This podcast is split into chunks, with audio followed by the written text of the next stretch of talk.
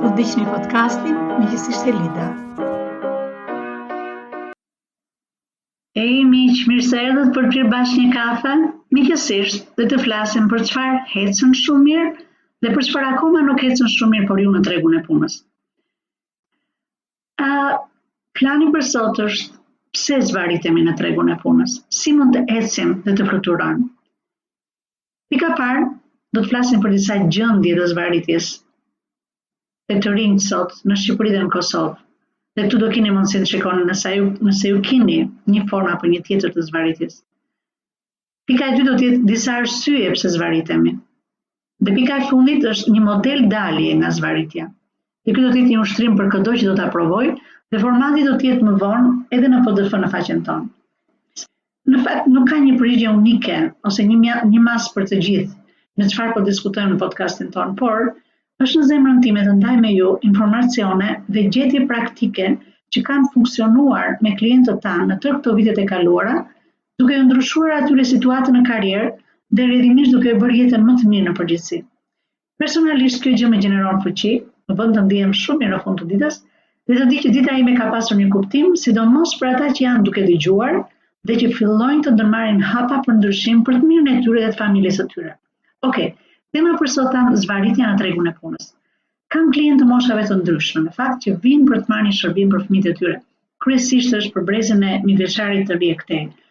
Janë ai brez që pas hapjes së kufijve dhe ardhjes së demokracisë, me mish e me shpirt ndërtuan biznese që panë ulje, panë ngritje, por në fund të ditës ia dolën dhe sot kanë një biznes që duan ta kalojnë te trashëgimtarët e tyre, por jo si dhuratë, duan ta japin si punë.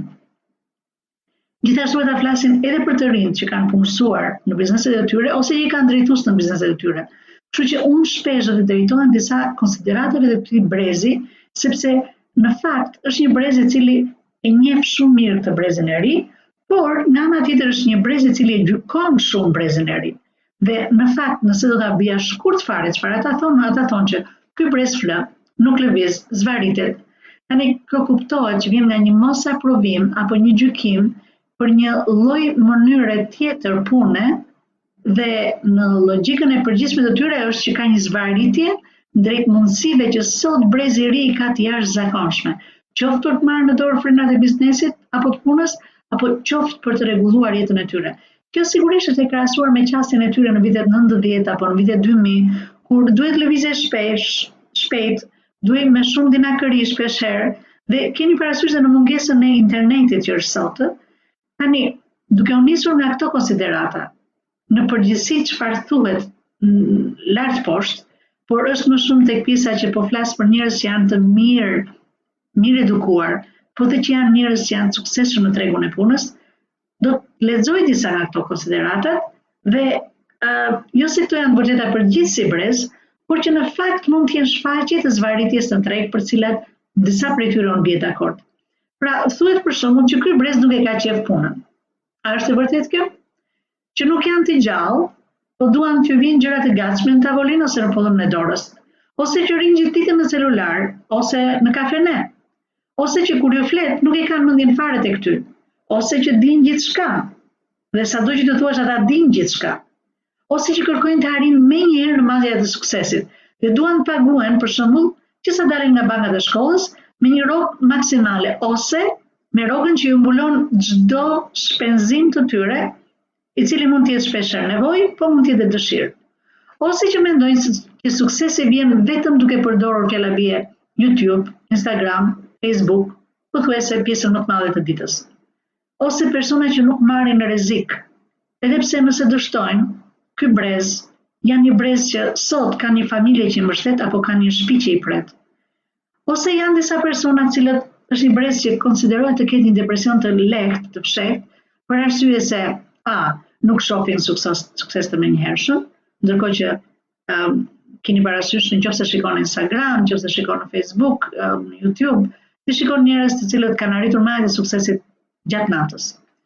Ose uh, nuk shohin dritë në tregun shqiptar të punës, ndaj mund të kenë një depresion të fshehtë, i cili reflekton më mbrapa në zvarritje për të gjetur vendin tënd në tregun e punës, ose që nuk e gjejnë veten profesionalisht edhe kur shpeshherë ia dalin të shkojnë në botë, por duhet të bëjnë punë të tjera dhe kjo i vret edhe në perspektivën që shpesh ndërtojnë për shkuarje jashtë shtetit.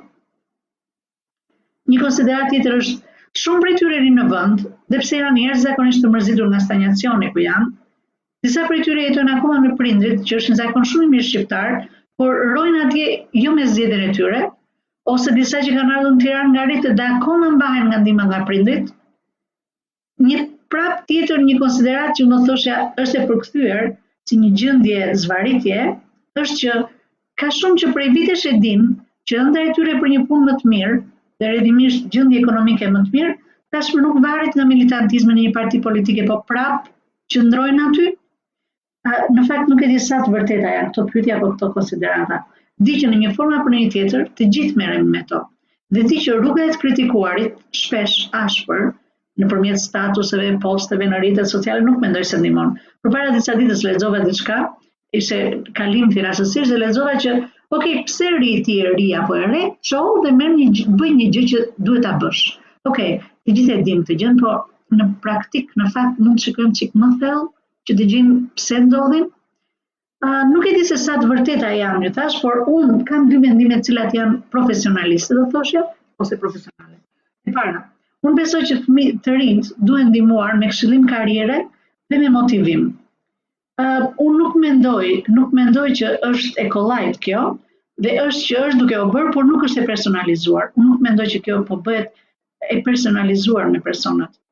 E dyta është që duhet të çheroizojmë të suksesshmin, gjendjen e atyre që janë në majë të tregut të punës. Ndërsa e para besoj është e qartë, domethënë flasim për motivimin apo për këshillimin e karrierës, pjesa e dytë që është çheroizimi i suksesit ka të bëjë me njohjen e dështimeve të shumta, si një rrugë e sigur drejt suksesit. Pra të shohim sa herë kemi dështuar dhe jemi ngritur, por jo si kundërpeshë apo si hall, por ta shohim si një formë mësimi për të ecur përpara. Për këdo që mendon që të zvarritesh është e lehtë, në fakt, unë nuk them se është kaq e lehtë, domethënë kushdo që është në një formë zvarritje, them që nuk e ka aspak të lehtë, dhe e them me bindje. Zvarritja shpeshherë vjen me zhgënjime të forta, ose prej zhgënjimesh të forta, shpeshherë është e mbushur me emocione të forta, si reaksion ndaj ca goditjeve që janë dhënë të forta. Le të marrim për shembull një rast të thjeshtë fare. Një vlerësim në tregun e punës, një vlerësim performance i pasaktë në rastin më neutral ose i qëllimtë i gabuar në një rast kur ka një konflikt diku midis një vartësi dhe një drejtuesi. Ajo që sjell te ky punonjës për gjithë vitin e ardhshëm është një mos emocion i përhershëm, i cili shfaqet në formën e pakënaqësisë së zakonshme dhe kuptohet që nuk fillon të prodhojë siç duhet, në mungesën e entuziazmit në punë, në mungesën e nismës apo iniciativës për të ecur përpara, e thënë shkurt, kjo është e barabartë me një zvarritje. Pastaj sigurisht kjo që është kjo është e lidhur me gjendjen ekonomike, njëra sjell tjetrën, duke mos kërkuar shumë, ngelim me pak. Dhe të kujtojmë që si qenie të rëna, kjo i ndodh kujdo, thjesht sapo fillojmë të ecim në karrierë, harrojmë që jemi zvarritur, harrojmë që kemi pasur kohë kur kemi qenë në këto vështirësi, me këto emocione, harrojmë kur zvarriteshim në qoftë se do flas uh, metaforikisht këmba-dorës, shpesh herë thjesht duke luftuar të mbijetonim, dhe, shpesh herë mund të kishim në xhep vetëm lekët e biletës së autobuzit për të shkuar në një intervistë pune. Dhe duke mos u thënë këto te të rinjtë, kur ata gjenden sot, me lekët e fundit në xhep, e lidhin këtë si një dështim privat. E lidhin këtë si një zvarritje e cila është, të themi, një pjesë e jetës së tyre, por jo si pjesë e ecjes, e të mësuarit të ecësh, e të ngriturit pak nga pak. Konsiderata ime me të rinjtë që kam punuar është krejt ndryshe. Kam gjetur që nëse ndihmohen të marrin drejtimin e duhur në ëndrrën e tyre për punën dhe t'u jepen mjete si të arrijnë këtë, ata janë brez suksesi. Nuk di për të tjerët, por përpara se të kalojmë tek uh, uh, cilat janë disa nga mësimet që mund të nxjerrim nga kjo gjë, do doja të ndaj me ju një përvojë nga jeta ime, për të treguar që nuk e kam pasur të lehtë të kem sot një punë që e dua dhe që e gëzoj me gjithë shpirt. Të kem njerëz rreth vetes dhe të kem klientë rreth vetes, të cilët me gjithë shpirt gëzoj për suksesin e tyre dhe ata gëzojnë për sukseset e mia. Këtë ta shpjegoj pak pse u krijua AIMS coaching e consulting. Pse erdhi nga një nga një do të thoshja ë uh, dorëheqje e bukur e rregulluar si e padetyruar si e vullnetare dalin në një kompani. Në dy mijë e dhjetën kisha një pozicion në një korporatë dhe ishte një një degë e një kompanie të huaj në Shqipëri, e cila uh, kishte rreth 35 filiale në vende të tjera, kisha pozicionin e drejtores së burimeve njerëzore dhe të përgjegjësisë së korporatës. Një staf të mrekullueshëm prej shtatë vetesh në departamentin tim ku kompania ish rreth 350 punonjës. Dhe kompania në një moment të caktuar u shit në duar të tjera, me një filozofi të ndryshme nga ajo që kishim ne. U gjeta në një pozicion, ose të rria dhe të vazhdoja dhe të isha në një stanjacion, i cili ishte shumë shumë mirë i vlerësuar në tregun e punës nga ana monetare, ose të largohesha me dorëheqje. Pra vendosa dorëheqjen. Dhe në fillim e mora si një, të them, um, një mërzitje të jashtëzakonshme. Sepse dhënia e dorëheqjes për mua, në fakt ishte e shoqëruar me një ndjenjë mërzitje, me një ndjenjë padrejtësie, sigurisht, me një ndjenjë mosdije çfarë do të ndodhte më tej, me një ndjenjë që çfarë do të bëja me përgjegjësitë e mia si nënë, si bijë, si bashkëshorte dhe me ndalesën e ecjes në karrierë. Shto këtu vështirësitë për t'u punësuar në një treg shumë të vështirë për burimet njerëzore. Vështirë sepse unë personalisht sapo kisha mbaruar Cornellin për burimet njerëzore, një master në marketing dhe sigurisht mosha jo shumë e re. Po kushdo me mend në kokë, në fakt tregu, do të zgjidhte një tjetër. Sepse uh, fakti ishte që unë quhesha quhesha e super kualifikuar me gjithë çfarë thashë më lart. Dhe sigurisht, nëse do të zgjidhte midis një vajze të re, një djali të ri, mua do duhej të më paguante në përputhje me shkollimin, me përvojën, me ekspertizën, ndërsa një të ri të re me pagën fillestare.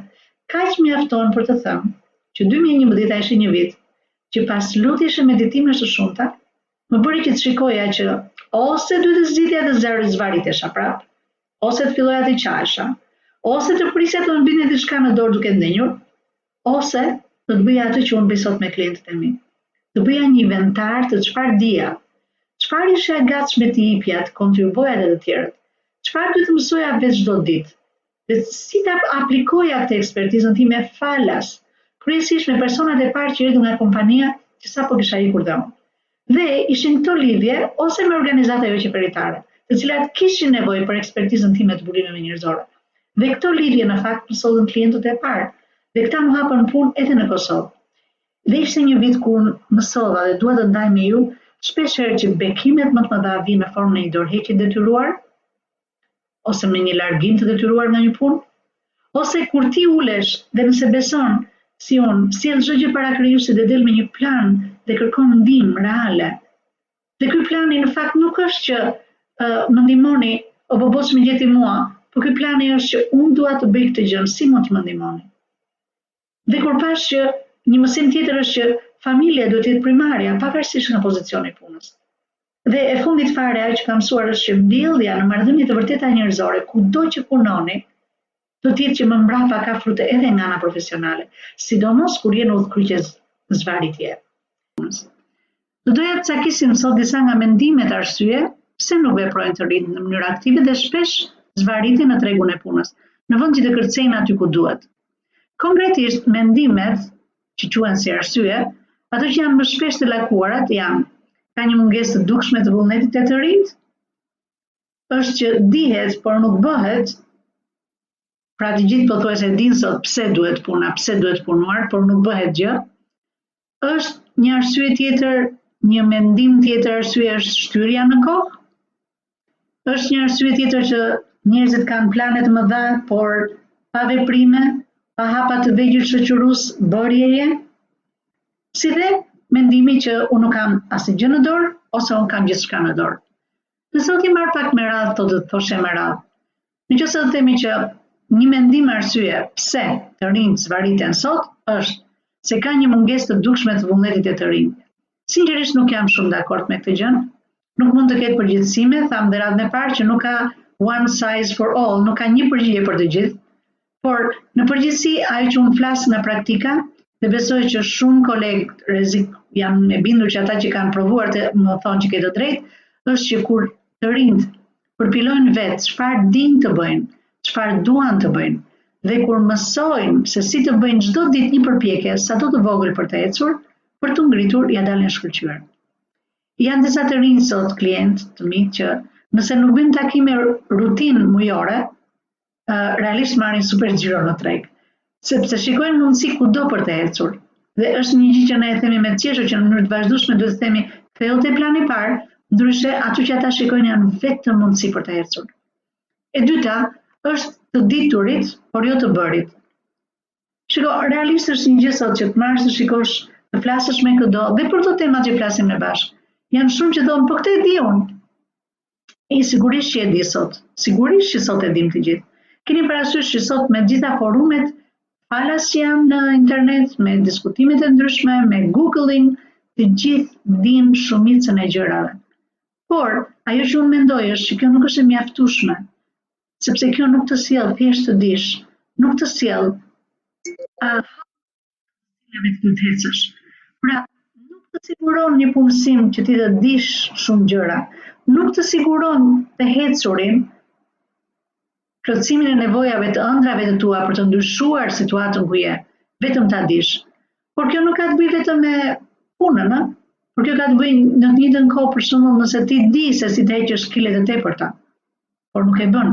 Ti di si të rregullosh marrëdhëniet me eprorin, me vartësin, me shokët, me shoqet me të cilët ndan qiranë e shpisë, me vjehrrën, me kunatën, me kunatin.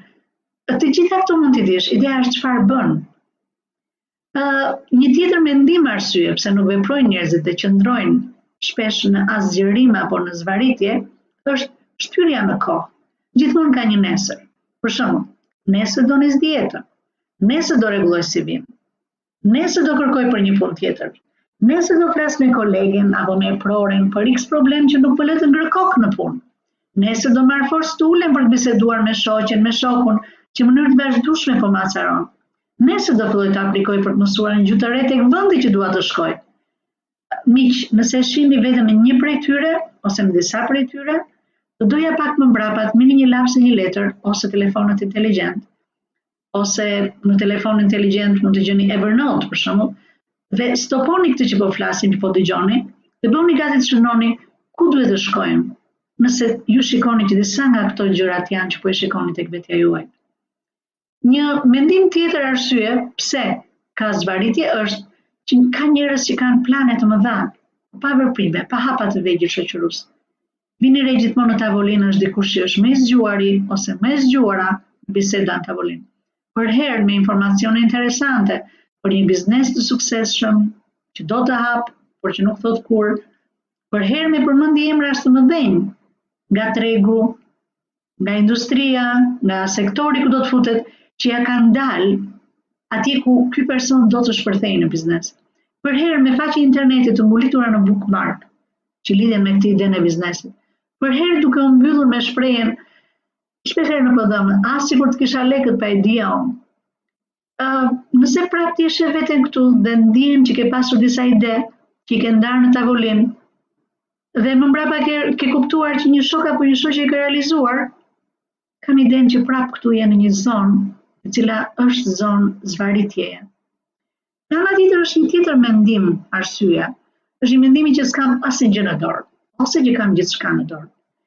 Këto në fakt janë disa mendime apo disa arsye pse nuk veprojmë, pse zvarritemi, ose siç përmenda pak më lart siç e thotë një klienti im i mirë, pse bëjmë asgjë, bëjmë asgjë ose asgjërojmë. Në fakt, një nga pasuritë tona më të mëdha është koha. Në qoftë se ne nuk e përdorim, siç duhet, duke bërë një përputhje të tyre dhe të talenteve tona, dhe të planeve tona, atëherë është në fakt jemi, jemi duke bërë asgjërimin. Kur e dëgjova në fillim mendova se tha agjërim, po jo jo, ishte asgjërim. Zvarritje, që do thotë të dalë çfarë të dalë, dhe kjo është mëndësia, dhe të presim çfarë do na bjerë, në qoftë se nuk nuk pret, nuk bie gjë, atëherë nuk është faji im, është faji që nuk më ka ardhur gjë. Kjo në fakt na çon për të vajtur dhe tek pika e tretë. Pika është që që ne do të shikojmë si të dalim nga asgjërimi, nga të qëndruarit në vend.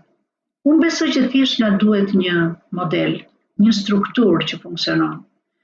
Kam pasur fatin në jetën time të kem studiuar apo të kem punuar direkt ose indirekt, të kem njohur, të kem ndjekur shumë njerëz që të mençur, që me mendimin e përparuar të ditëve tona kanë hapur shumë rrugë si mund të ecet sot në botë. Shumë prej tyre janë koka sot, në mënyrën se si kanë ecur përpara në shkencën e vetëpërmirësimit ose të vetëmotivimit, të quajtura rëndom apo që unë nuk i pëlqej aq shumë self development. Në fakt, kur po punoja për klientët e mi, duke munduar të bëj lidhjen e përvojave jashtë Shqipërisë me realitetin e klientëve të mi në Shqipëri apo në Kosovë, nuk kam gjetur, nuk gjeta dot një formë pune, një strukturë apo një format të gatshëm, e cila mund të ndihmonte në rrugëtimin për të dalë nga bëj asgjë dhe që pres ç'do më bjerë, në në dorën time tani të rri ose të them që jam jam thjesht një person i cili pres çfarë do ndodh tek unë për të kaluar në anën tjetër, për të kaluar tek pjesa unë dua të jem i suksesshëm. Dhe prandaj më doli si domosdoshmëri modeli vepro, act, ku përmbledh do thoshja kjo funksionon në këtë formë. Si funksionojmë si qenie, si qenie të gjalla? Si punon truri ynë për të dalë nga gjendja e stanjacionit e zvarritjes për të vajtur pastaj në ecje, në fluturim? Dhe do doja më mbrapa të plotësojmë bashkë një plan veprimi me vepro, or act, është pjesa kur që ne bëjmë një nga ushtrimet që ne bëjmë me klientët tanë. Dhe hap pas hapi do të keni mundësi të artikuloni një nevojën tuaj, si mendim për ndryshim. Ta komunikoni këtë nevojë, këtë mendim nëpërmjet gjithë qenies suaj, dhe kjo do të bëhet nëpërmjet gjithë sjelljes suaj, si dhe të rendisni veprime në take action ose në marrjen e vendimit, marrjen e veprimit, bërjen e diçkas, ku të ndryshoni, të mos rrini në vend. Duke përpiluar hap pas hapi planin e aktiviteteve se si doni për vitin në vazhdim të dilni nga stanjacioni, nga vendqëndrimi drejt një pozicioni të suksesshëm.